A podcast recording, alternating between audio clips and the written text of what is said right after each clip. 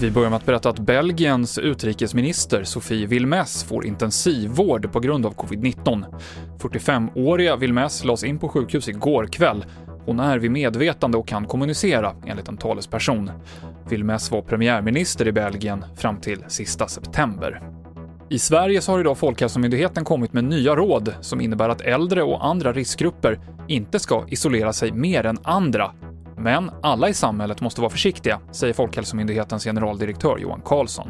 Det är fortfarande större risk att drabbas av allvarlig sjukdom om man, om man är äldre eller om man har underliggande sjukdomar.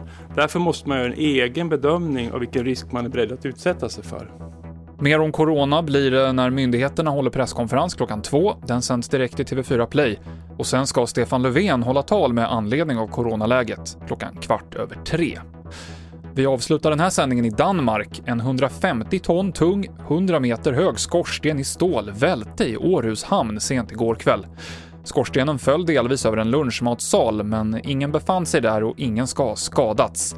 Det är oklart hur det här kunde ske, rapporterar Danmarks Radio. TV4-nyheterna med Mikael Klintevall.